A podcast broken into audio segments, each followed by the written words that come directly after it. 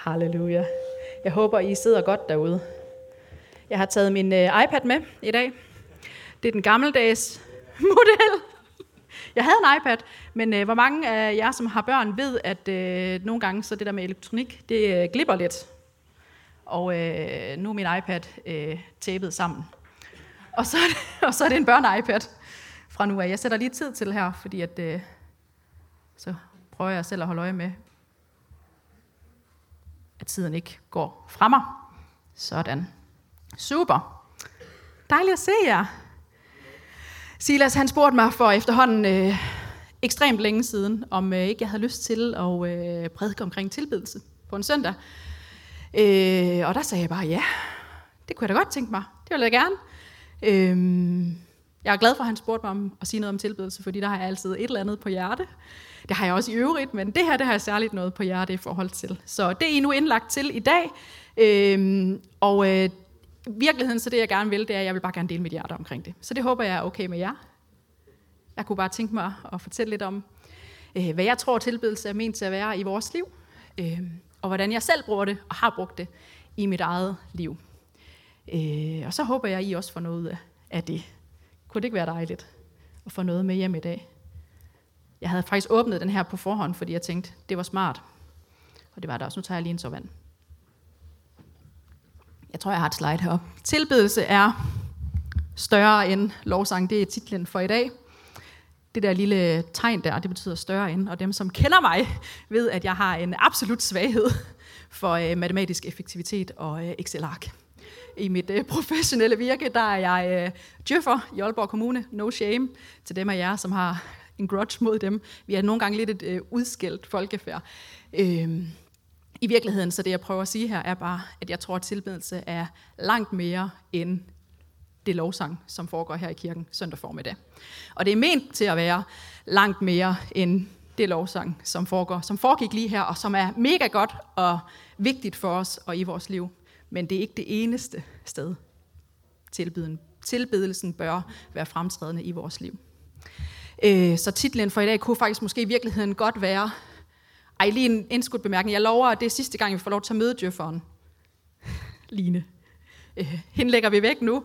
Øh, det er bare fordi, jeg synes, det var så dejligt effektivt, så kunne man bare lige sætte et lille tegn ind i stedet for.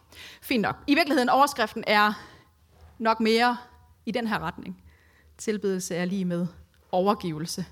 Øh, og det, når jeg har lyst til at tale omkring det, så tror jeg, at det er fordi, vi som kristne nogle gange godt kan komme til at tænke, at det der med tilbedelse, det er det, der foregår her søndag formiddag. Øh, men i virkeligheden, så tror jeg, at det er noget, som er meningen, det skal fylde hele dit liv. Hele dit væsen. Det er sådan helt grundlæggende det, vi er skabt til, tror jeg. At leve i tilbedelse af ham, som har skabt os. Øh, så det er det, jeg vil prøve at sige en lille smule om. Det er summen af mit budskab i dag, og hvis døfferen havde været på arbejde, så kunne vi have gået hjem nu, fordi det var bare det, jeg gerne ville sige. Overgiv dit liv til Herren. Men øh, ej, lad mig sige noget mere om det. Har du nogensinde været i IKEA? Bare sådan lige for at starte et andet sted. ja, desværre, siger Severin. Øh, hvor mange af jer ved, at IKEA de er mega dygtige til at lave sådan noget øh, kundedesign, sådan noget købsdesign.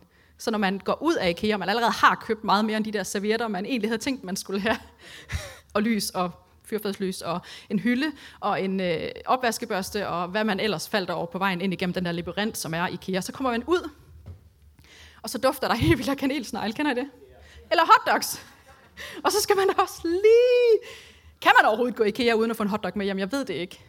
Michelle og jeg, og nu, det tør jeg godt sige, fordi hun er her ikke. Michelle, som er på besøg her en dag, øh, vi var gravide første gang øh, sammen. Øh, det har faktisk været tre gange sammen, og øh, min craving under min første graviditet var hotdogs. Så vi kunne godt finde på at køre i IKEA kun for at spise hotdogs. Øh, no shame igen.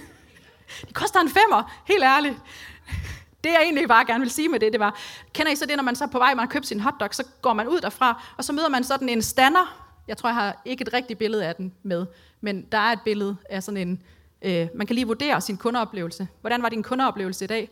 Rød, gul, grøn, ikke? Det gik hurtigt, jeg gav den en grøn. De glemte de ristede løg på min hotdogs. Rød. Ikke? Øh, vigtigt. Vigtigste del af, øh, hvad hedder det, din hotdog. Det ved alle jo. Og øh, det er alle steder, det her. Kender I ikke det? Altså, man møder det i lufthavnen, og man møder det på vej ud af Bilka, og øh, hvis ikke man møder den sådan i fysisk stand, den der stander, hvor man lige kan trykke på, så dukker den op på ens telefon. Altså, jeg tror vidderligt, at Google stalker os.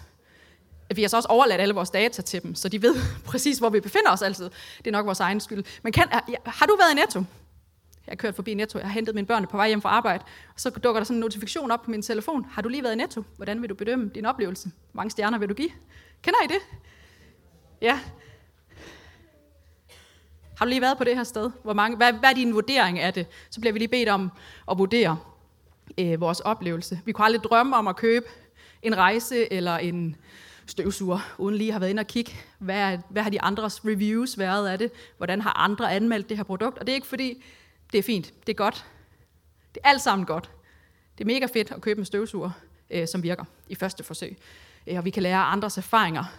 Men forleden dag, så læste jeg en, øh, en ret spændende sådan artikel af Svend Brinkmann. Hvor mange kender Svend Brinkmann? Ja, den her sådan ret efterhånden fremtrædende psykolog, som udbreder sig mange ting, især på Facebook. Jeg elsker at følge ham på Facebook. Jeg synes, han er lige dele sjov og provokerende. Det er super fedt. Men han siger også indimellem nogle rigtig spændende ting, og det han sagde i den her klumme, som det i virkeligheden var, så det var sådan et udtryk for hans mening, øh, og som kom til at inspirere mig en lille smule i forhold til i dag, det var, at øh, han skrev i virkeligheden om det, som han ville kalde for oplevelsessamfundet. Det her med, at vores samfund har taget en drejning, hvor forbrugeren er i centrum, og vores vurdering af ting, vi køber, eller restaurantbesøg eller andet, øh, det, det bliver ligesom ud fra, hvad for en værdi, hvad for en oplevelse det har givet os. Giver det mening? Ja. Jeg er i centrum. Jeg vurderer verden ud fra, hvilken værdi jeg får ud af et givet produkt. Ja. Øh, verden reduceres på en eller anden måde lidt til vores oplevelse af den. Og øh, det er interessant, fordi at man kan jo se det overalt på Facebook, faktisk. Jeg kom den anden dag til øh, at falde i det her Facebook-hul, som det nogle gange er, og kom til at kigge på alle de der videoer, som folk lægger derinde. Du skal ikke grine, Lisa. Du kender det godt, gør du ikke? der så jeg en video, og det er alligevel det mest ekstreme eksempel, jeg har set på det. Det var en øh, britisk mand, som var, øh, og jeg ledte efter det, sådan det korrekte term, hvad hedder Caucasian på dansk? Han var hvid. Ja, hvid mand, ligesom dig og mig. Øh, og han mente, at han var koreaner. Han havde boet i Korea i et år, og øh, var vild med det. Og øh, derfor havde han øh, lært sig sproget, og han øh, havde lært de koreanske skikke og deres øh, hvad hedder sådan noget, madkultur og højtider osv. Han havde sågar fået øh, foretaget operationer, så hans ansigt kom til at ligne mere det, som en typisk koreansk ansigtsstruktur var. Han oplevede sig som koreaner. Jeg er koreaner. Det er et ekstremt eksempel. Men det er på en eller anden måde også en lille smule typisk, tidstypisk fra vores samfund. Jeg føler, at jeg oplever, at, og derfor er verden sådan. Jeg er i centrum, og mine betragtninger, mine subjektive betragtninger, er lige så virkelige som dine subjektive betragtninger. Problemet er bare, at der ikke rigtig, hvis, man, hvis det er den vej, vi går, så er der ikke rigtig længere nogen fælles virkelighed at mødes i. Og på en eller anden måde, så strider det bare helt enormt meget imod det liv, som jeg tror, at Herren han kalder os til at leve. Sat på spidsen, hvis man går den her retning, så falder alting jo også tilbage på dig selv. Du skal bære alting, fordi du er i centrum. Dine erfaringer, den måde, som du oplever verden på, din oplevelse er lige så gyldig som alle mulige andres. Øh, og det, fælles, det, som er fælles for os, det forsvinder ligesom. Udfordringen for os som kristne er, at, som Paulus han siger, når vi kommer til ham, jeg lever ikke længere selv, men Kristus lever i mig. Jeg lever ikke længere selv, men kristen. Kristus lever i mig, det siger han i Galaterbrevet kapitel 2. Romerne 2 lærer os, at vi skal bringe vores læme som et levende og helligt offer, der er Gud til behag. Det skal være vores åndelige gudstjeneste, siger han. Han siger, at vi skal ikke tilpasse os den her verden, men vi skal lade os forvandle ved at sindet fornyes, så vi kan skønne, hvad der er Guds vilje, det gode og det, som behager ham, det fuldkommende. Det er Romerne 12. Vi skal ikke tilpasse os denne verden, men vi skal lade os forvandle ved at sindet fornyes, så vi kan skønne, hvad der er Guds vilje, det gode, det som behager ham. Johannes Døberens sidste vidnesbyrd, ham som gik forud for Jesus, han skal blive større, og jeg skal blive mindre. Han skal blive større, og jeg skal blive mindre. Og der er noget omkring det her med, at når vi kommer til Kristus og møder ham, at så flyttes vi ligesom selv ud af centrum, og han flyttes ind i stedet for. Og det er sådan set uanset, hvad vores oplevelser og erfaringer i livet er. Se bare på sådan en gut som Job. Har I læst om Job for nylig? Jeg læste om ham forleden dag, og han bliver udsat for altså ekstreme prøvelser. Han mister alt, hvad han har. Hele hans familie dør, og alle hans kvæg dør, og alt, hele hans land forsvinder fra ham. Han, det er ekstremt. I dag vil man nok kalde det for traumer. Han har gennemgået et traume. Øhm. Og til sidst, så møder han Gud. Han har den her sådan, jeg må da forsvare mig. Der er ikke noget i vejen med mig. Hvorfor sker det her for mig? Han føler sig voldsomt angrebet. Og han går egentlig i rette med Gud. Og til sidst så møder Gud ham, og han siger, hvorfra kender du mine tanker, når du knap nok ved, hvem jeg er? Og det ender med, at Job han må bøje sig i støvet, og han vil sige, før havde jeg kun hørt om dig, men nu har jeg set, hvem du er i virkeligheden. Jeg har set dig med mine egne øjne. Der er noget omkring den reaktion, som kommer på, når man møder ham, som er skaberen. I øh, Lukas evangeliet, så læser man om øh, Jesus, som kommer ridende ind der palmesøndag i Jerusalem, og farisæerne de bliver sure på ham, fordi at øh, uh, disciplerne de tilbeder ham. Helligt være hans navn, Hosanna. Og øh, de siger til ham, få dem til at holde op. Få dem til at holde op, det er ikke rigtigt det her. Men Jesus han siger, hvis ikke de gør det, så gør stenene det. Hvis ikke de tilbeder mig, så gør stenene det for dem. Og i, igen faktisk i Jobs bog, der kan man læse om, hvordan at, at stjernerne tilbad Jesus, da han, eller Gud i virkeligheden jo, øh, da han grundlagde fundamentet, som verden hviler på. Der er noget omkring det her med, at tilbedelse er det skabtes naturlige respons på skaberen. Når vi kommer til ham, og vi møder ham, vi fatter, hvem han er i vores liv, så kan man næsten ikke andet end at falde ned og tilbede ham. Øhm.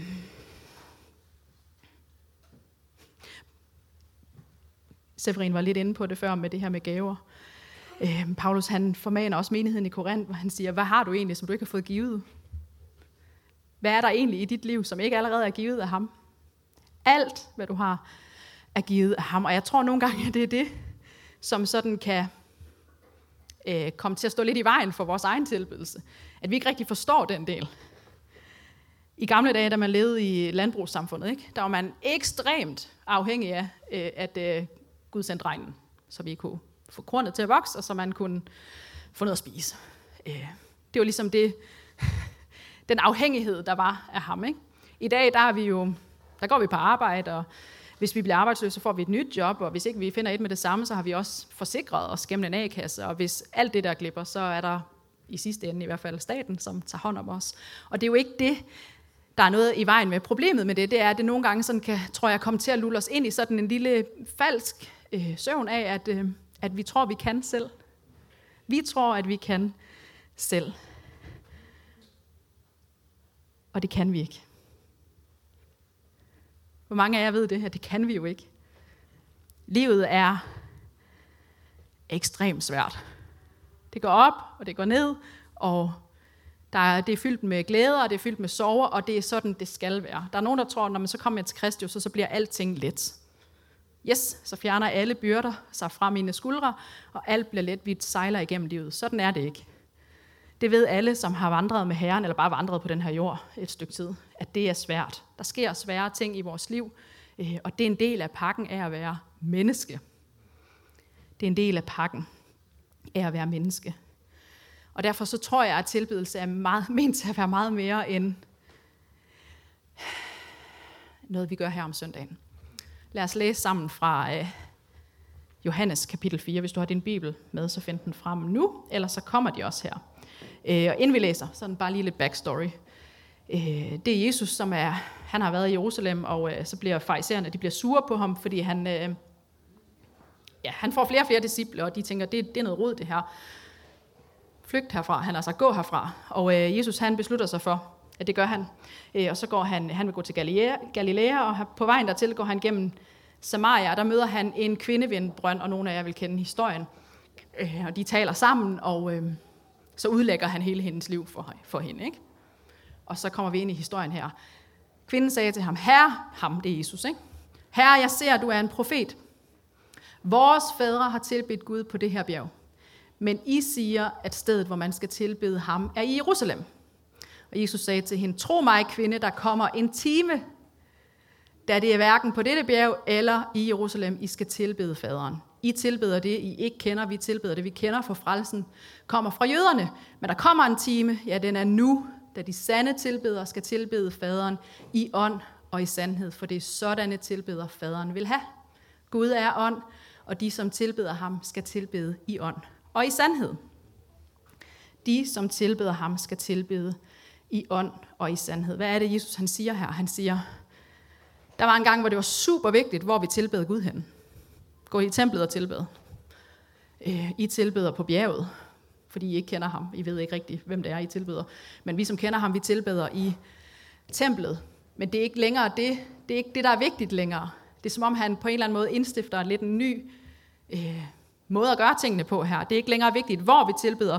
Det, der er vigtigt, det er, hvordan vi skal tilbede i ånd og i sandhed. Hvad ved vi om det? Hvad ved vi om, hvad, det, hvad ved vi om sandhed? Hvad ved vi om ånd? Vi ved, at Jesus han siger, jeg er sandheden, vejen og livet. Intet af det, som er, vil være her, hvis ikke jeg var her. Det kan vi læse om i starten af Johannes evangeliet. Jeg er sandheden, vejen og livet. Det er ikke ligegyldigt, hvordan vi tilbeder. Det, der er vigtigt, det er, at det er ham, vi tilbeder. Det er ham, vi tilbeder. Han er sandheden, vejen og livet. Det er det, der er det væsentligste, for nu at bruge Silas sprogbrug.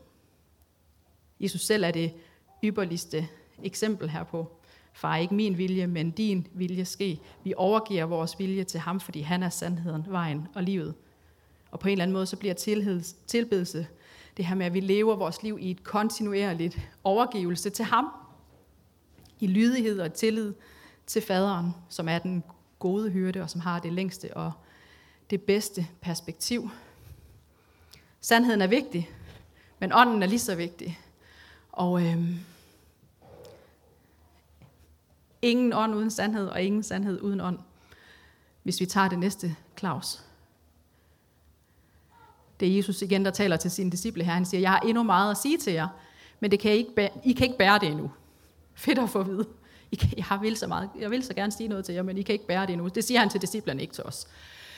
Men når han kommer, sandhedens ånd, så skal han vejlede jer i hele sandheden. For han skal ikke tale af sig selv, men alt, hvad han hører, skal han tale. Alt, hvad han hører, skal han tale, og hvad der kommer, skal han forkynde for jer. Han skal herliggøre mig, for han skal tage af mit og forkynde det for jer. Alt, hvad faderen har, er mit, og derfor sagde jeg, han skal tage af mit og forkynde det for jer. Når vi bliver frelst, og vi kommer til Jesus, og vi møder ham, så sker der det sådan næsten magiske, at Helligånden flytter ind i os. Ikke? Vi får lov til at modtage Guds ånd. Paulus han siger i Korintherbrevet øh, kapitel 5, at vi får lov til at mærke Guds kærlighed i vores hjerter ved Helligånden, som er udgydt i os. Ånden er ikke længere derude. Den er herinde. Jesus flytter ind i os. Og der sker ligesom det i forlængelse af det andet, det her det kommer i forlængelse af det andet skriftet, og der sker ligesom det, at Jesus han siger til disciplene, at der har været den her måde engang, nu kommer der en ny måde at gøre tingene på. Øhm, jeg sender min ånd, det var det, hvad hedder han? Jesus, skulle jeg lige til at sige. Det var det, Severin han sagde. Sidste søndag på Kristi Himmelfart, han siger, han efterlader os ikke faderløse i forbindelse med Jesus, han tager til himmels. Han sender sin ånd til os. Ånden flytter ind i os. Og når vi overgiver vores liv til ham, vil han vejlede os til hele sandheden. Og det, der er allermest vidunderligt ved de her vers, synes jeg, at det signalerer, at Gud han taler endnu. Gud har ikke talt. Han taler stadigvæk til os. Han taler til dig og til mig i dag. Det må man gerne sige amen til. Amen, amen, amen, amen. Ingen sandhed uden ånd, og ingen ånd uden sandhed. Jeg tror, der sker det, det er, når vi bliver i erkendelsen af, hvem han er, og vi bliver ved med at overgive vores liv til ham, så kommer han til at vejlede os til hele sandheden. Vi er ikke efterladt faderløse. Han taler til os i dag. Der står lidt længere henne i det samme kapitel, at det er Helligånden, som overbeviser os om synd og om retfærdighed og dom. Og der sker det, når vi overgiver vores liv til ham. Vi ydmyger os ind for ham, når vi siger, jeg ved ikke bedst, herre. Så kommer han. Og så forandrer han ting i vores liv. Han sætter spot på, på os. Han opmuntrer os. Han vejleder os. Han siger, du skal ikke gå til højre, du skal gå til venstre. Han trøster os, når vi er kede af det. Han løfter os op, når vi trænger til det. Vi får lov til at bringe al vores jubel ind for ham. Fedt mand, jeg fik 12. Fedt mand, jeg fik et nyt job. Fedt mand. Det er den relation, han gerne vil have med os, tror jeg. Jeg tror ikke, at det er begrænset til det, der sker her i kirken. Jeg tror, at det er ongoing. Et af de ord, som har været sådan centrale for mig i mit liv, det er fra salme 37. Det er ikke på skriftstedet heroppe, eller på sliden heroppe, men der står, at vi skal overgive dit liv til Herren, stol på ham, så griber han ind. Overgiv dit liv til Herren, stol på ham, så griber han ind. Og jeg ved ikke med dig, men der er noget omkring det her med, at det er svært. For 12 år siden, der flyttede Jonsen og jeg til, er det 12 år siden? 13 år siden? Der flyttede, jo, den var der der. Tak, Claus. Jeg havde helt glemt, at den var der. Stol på ham, så griber han ind. For 12 år siden, der flyttede Jonas og jeg, vi siger bare, det er 12 år siden, til Aalborg. Og vi kom fra øh, Gørløse og flyttede fra Hillerød, eller lille by, Gørløse, uden for Hillerød, og havde været en del af, og det er ikke fordi, vi skal gå en hel masse ind i det, men jeg har været en del af det, som hed evangelist dengang, og øh, det ville være en underdrivelse at sige, at vi var brudte. Det ville være en underdrivelse. Vi var, jeg var, jeg taler bare for mig selv, jeg var ødelagt. Jeg havde givet mit liv ind i noget i, jeg kan ikke engang helt huske, hvor mange år, 6-7 år som jeg troede var det rigtige. Og så som at vende en hånd, så blev hele tæppet revet væk under os. På én gang. Og vi, var, vi stod tilbage der og var sådan, hvad skal der nu ske, Gud? Fordi egentlig havde vi oplevelsen af, at vi skulle være der, og vi troede, Gud havde kaldet os, så vi var i gang med at gøre en hel masse godt. Gud!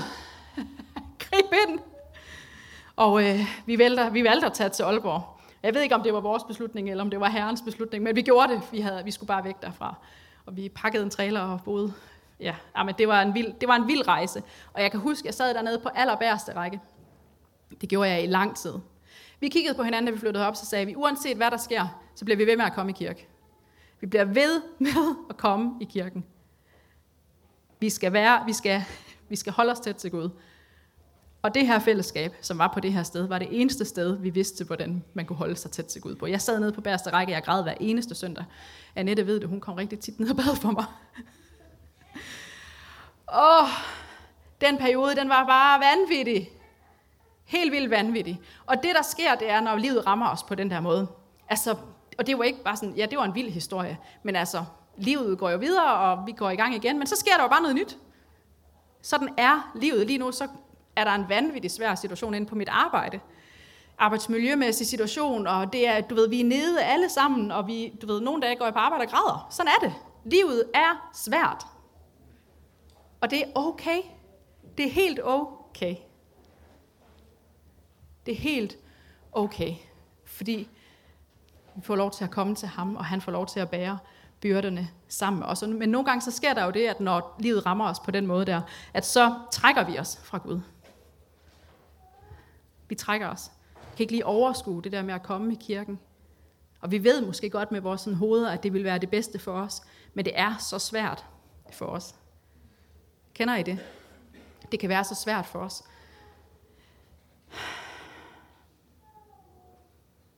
Men i virkeligheden, jeg hørte engang en sige, worship is an overflow of what's going on in your life. Worship is an overflow of what's going on in your life. Altså sådan lidt karikeret at hvis man trykker os lidt på maven, så bør tilbedelsen være det, der kommer ud af dig. Og det gælder, når det er godt. Fedt, jeg har fået et nyt job. Tak, herre. Det gælder, når det er skidt. Så når jeg læser... Jeg ved ikke, hvordan det er. Altså, jeg ved ikke lige helt, fordi der er jo sådan noget omkring det her med at være nordjysk, ikke også? Der er ikke sådan de store udsving. Vel, det er, det er sådan lidt på det jævne, på det jævne næsten, uanset hvordan vi har det, ikke? Er det ikke rigtigt? Jo, det går meget godt. Det, det var fint, det der. Så var det vildt godt, ikke? Det var fint, det der. Det går meget godt. Jeg tror bare, når man læser Davids salmer for eksempel, ikke? jeg tror ikke, de er skrevet på nordjysk. Har I nogensinde tænkt over det?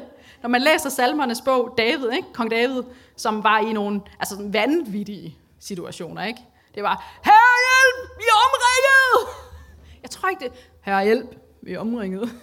Der er noget omkring det der med, at der er noget omkring det der respons, som nogle gange, altså vi bliver sådan lidt spundet ind i den kultur, vi lever i, og som vi er lidt på det jævne, på det jævne. Men jeg tror faktisk, at Gud han godt kan bære alle vores følelser. Det er i hvert fald der, jeg selv oplever, når vi går ind i lovsangen og tilbedelsen sammen, at så bliver man jo ramt af ham. Det er det, der er dens funktion i vores liv. At vi får lov til at, hvad enten du gør det her eller derhjemme, at du får lov til at gå ind foran ham, og du overgiver dit liv og siger, her, her er jeg, jeg bøjer mig for dig.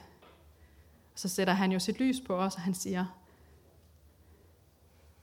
det skal nok gå. Eller bliv ved. Nu nævnte jeg før det her med, at jeg har den her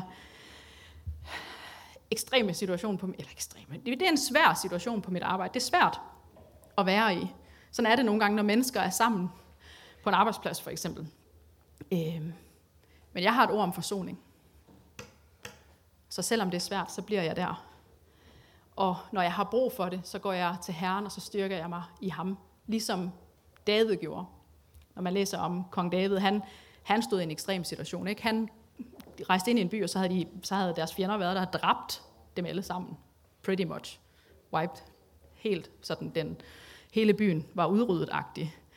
Men han skulle fortsætte, han var på en mission. Og hvad står der om David? Der står, at han styrkede sig i Herren. Han fandt nyt mod i Herren. Der er noget omkring Hanna, som vi læser om. Der er så mange eksempler i Bibelen. Hanna, som var Samuels mor, hun var barnløs, kunne ikke få børn, og det var et big deal dengang. Ikke? Man skulle have nogle børn. Mega big deal. Og øh, der står, hvordan at hun øh, gik med op til templet, og hun bøjede sig ind for Herren, og øh, hun græd øh, så meget, at øh, ham, som var Eli, hed han, Elihu, Eli, der var profet, han sagde, hun er fuld hende der. Rambling mamma, fuldstændig, øh, du ved, opløst i tårer, står der, hun er, ikke? Hun bad sin smerte ud ind for Herren. Så gik der ikke længe, så fik hun Samuel. Hun fik et barn, og så vender hun tilbage til templet, og så tilbeder hun Herren i, i glædestårer. Det er sådan fra den ene pol til den anden, og det er det, jeg tror, det her sted kan. Det er det, der tilbedelsen kan, at vi kan være fælles om og dele de største glæder og de dybeste sorger. David han siger i en af sine salmer, min sjæl pris Herren, alt i mig skal prise hans hellige navn. Det er næsten som om han nøder sin sjæl til det. Min sjæl pris Herren. Som om han ikke havde lyst, ikke? Som om han godt vidste, at det her det er svært. Det er svært at gå ind for Herrens ansigt, når jeg er i nød. Min sjæl pris Herren, alt i mig skal prise hans hellige navn. Han nøder sig selv derhen. Hvorfor gør vi så ikke altid det? Jeg tror nogle gange, at vi bliver blufærdige omkring det. Ikke? Vi går, vi er ligesom Adam og Eva, ikke? I princippet. Herren han kaldte på dem. Hvor er I henne? Så gemmer de sig for ham. Fordi de blev færdige. De opdagede, at de var nøgne. Ligesom vi er nøgne, ikke? Vi ville også opdage det, hvis vi var nøgne. Det gjorde de ikke før.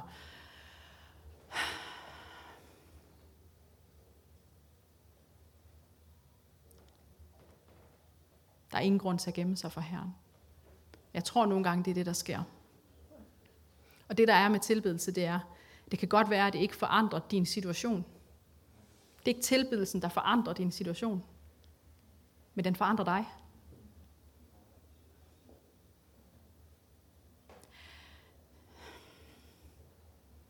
Det, der er, kan virke som et uoverstigeligt bjerg nogle gange, ikke? Få lov til at komme ind for ham. Læg det ned der. Og gå forandret derfra. Fordi man, vi ved, når det er jo når vi i tilbedelsen, vi bliver bevidste om, hvem han er, også i tilbedelsen. Jeg tror, at det er i Peters brev, der står, at alt, hvad der er givet til liv og til Guds frygt, det har han givet os. Det står ikke deroppe. Øhm, det har han allerede givet os, skænket os, tror jeg, der står. Alt, hvad der behøves til liv og til Guds frugt, har han allerede skænket os. Jeg tror, lovsang er sådan et redskab. Jeg tror, du har brug for at have lovsang som et redskab i dit liv. Et redskab, hvor, hvor du kan gå ind foran ham, og du kan glemme dig selv, forlade alle dine hæmninger, og bare være, altså David han dansede nøgen, halvnøgen, foran herrens ark, ikke? Det læser vi om i et det andet Samuels bog, tror jeg. Og der står, at han gjorde det med sådan en iver, at hans kone, hun skammede sig lidt. Hun synes, det var lidt udmyndende. Ikke? Og sådan vil det jo være, ikke også? Når vi kommer til ham, så er det bare ikke altid, det er bare ikke altid pænt, vel? Og det behøver heller ikke at være det. Det er faktisk helt okay, hvis ikke det er det. Det her, det er et kirkefællesskab. Det er meningen, at vi skal kunne rumme de største glæder og de største sorger i fællesskab. Det er det, sådan et fællesskab som det her kan. Så når vi mødes her søndag formiddag, så det er ikke, hvad skal man sige, så nogle gange så kan man, apropos vores sådan oplevelseskultur, ikke, så kan man sådan gå derfra og tænke, ah, det var ikke så godt i dag. Jeg mødte ikke lige herren. Ikke? Jeg mærkede ikke lige hans nærvær. Jeg synes ikke, det var også den forkerte sang, eller åh, jeg forstod ikke lige prædiken, eller det ramte mig ikke lige. Men i princippet, så er det ligegyldigt. Fordi det handler faktisk om dig og det, du kommer med. Det, som foregår heroppe på scenen, er faktisk mindre og vigtigt. Det er bare en hjælp til dig. Det er en hjælp til os sammen, at vi kan være sammen om Herren. Men når jeg læser min bibel, så står der, at hvor to eller tre er forsamlet, der vil han være midt i blandt os. Hvor to eller tre er forsamlet, der vil han være midt i blandt os. Jeg tror, når vi går ind i lovsangen sammen, så handler det faktisk ikke om, at vi skal finde ham, for han er her allerede. Det handler om, at vi bliver tunet til at kunne høre, hvad han siger til os. Det handler om, at vi lytter til ham i fællesskab. Det handler ikke om, at vi skal få ham til at komme. Altså tilbedelse handler faktisk ikke om at få ham til at komme her. Han er her allerede. Det handler om, at vi skal kunne høre, hvad han siger. Og for nogen, så vil det være prædikenen, som er det vigtigste. Ikke? For nogen vil det være ordet. Jeg lytter til ordet, det er det, jeg respekterer. Jeg er et reflekteret menneske, og jeg kan bedst høre Guds stemme igennem det. Men jeg tror bare, og det skal være min udfordring til dig i dag, jeg tror bare, at der er mere end det. Der er noget omkring det her med at forlade sig selv, glemme sit eget, og fuldstændig uforbeholdent og træde ind foran ham og sige, her er jeg. Her er jeg, Jesus. Jeg overgiver mit liv til dig, det bliver jeg ved med at gøre. Jeg tror, det er der, der sker nogle gange næsten noget magisk. Ikke? Det er der, at vi får lov til at styrke os i Herren. Det er der, vi får lov til at få nyt mod. Vi oplever, at vi får ørne som, ving, ørne som vinger. Vinger som ørnen på ny. Vi bliver unge igen. Ikke også? Jeg har sådan en oplevelse af, at der er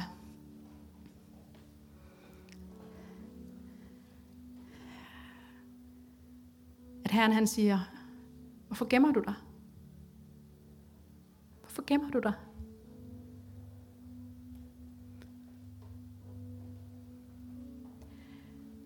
Det, der var med Adam og Eva, det var, at de blev smidt ud af haven. De kunne ikke være der længere.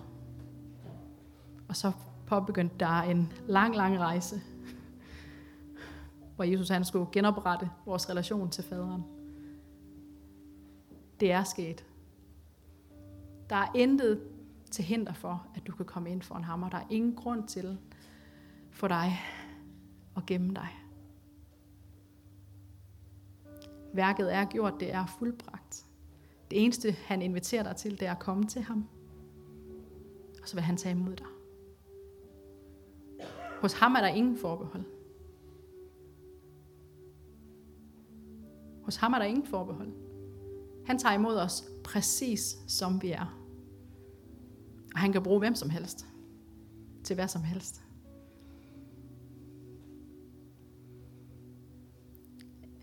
Har oplevelsen af, at han siger, hvorfor gemmer du dig? Og hvis det er dig, så har jeg lyst til at bede for dig. Jeg tror, at der er en chance i dag for, ikke en chance, en mulighed for dig, for at få lov til at få genoprettet den relation, som er med ham, som du kan have med ham. Den relation, som han hele tiden har tænkt dig til at have. Det har hele tiden været meningen, at du ikke skulle leve det her liv alene. Det har aldrig været meningen, at du skulle gå gennem livet alene. Det er meningen, at han skulle gå med. Og han vil gå med. Så hvis det er dig, som tænker, jeg vil så gerne nærmere ham, men jeg er bange for, at han ikke vil tage imod mig. Så jeg gemmer mig lidt. Jeg holder lidt tilbage. Så går jeg ind i hans nærvær med facaden på, og lader som om, at det er godt. Så vil jeg rigtig gerne bede for dig. Så kan vi ikke bare lige bøje vores hoveder fælles her. Så hvis det er dig, så kunne jeg tænke mig, at du skulle række din hånd op, så jeg kan se, hvem du er. Så vil jeg bede særligt for dig. Hvis der er flere, så er det nu. Halleluja, Jesus. Herre, jeg takker dig, at du ser hver enkelt hånd, som er rejst her. Jeg takker dig, at du i dette øjeblik vil komme med alt, hvad du er, med hele din fylde.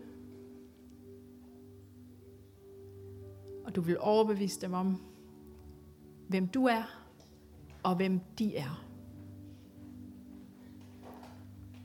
At du vil overbevise dem om, at du er den gode hyrde, at du vil os det kun godt, og at du tager os imod os præcis som vi er her. Jeg beder om, at du vil fylde dem med din kærlighed, her, Så de ved, at præcis der, hvor de er, præcis som de er her, at der tager du imod dem. At vejen er åben. Vejen er åben. Og vi kan gå ind i dit nærvær, som vi er. Det takker jeg dig for, Jesus. Det takker jeg dig for. I Jesu navn.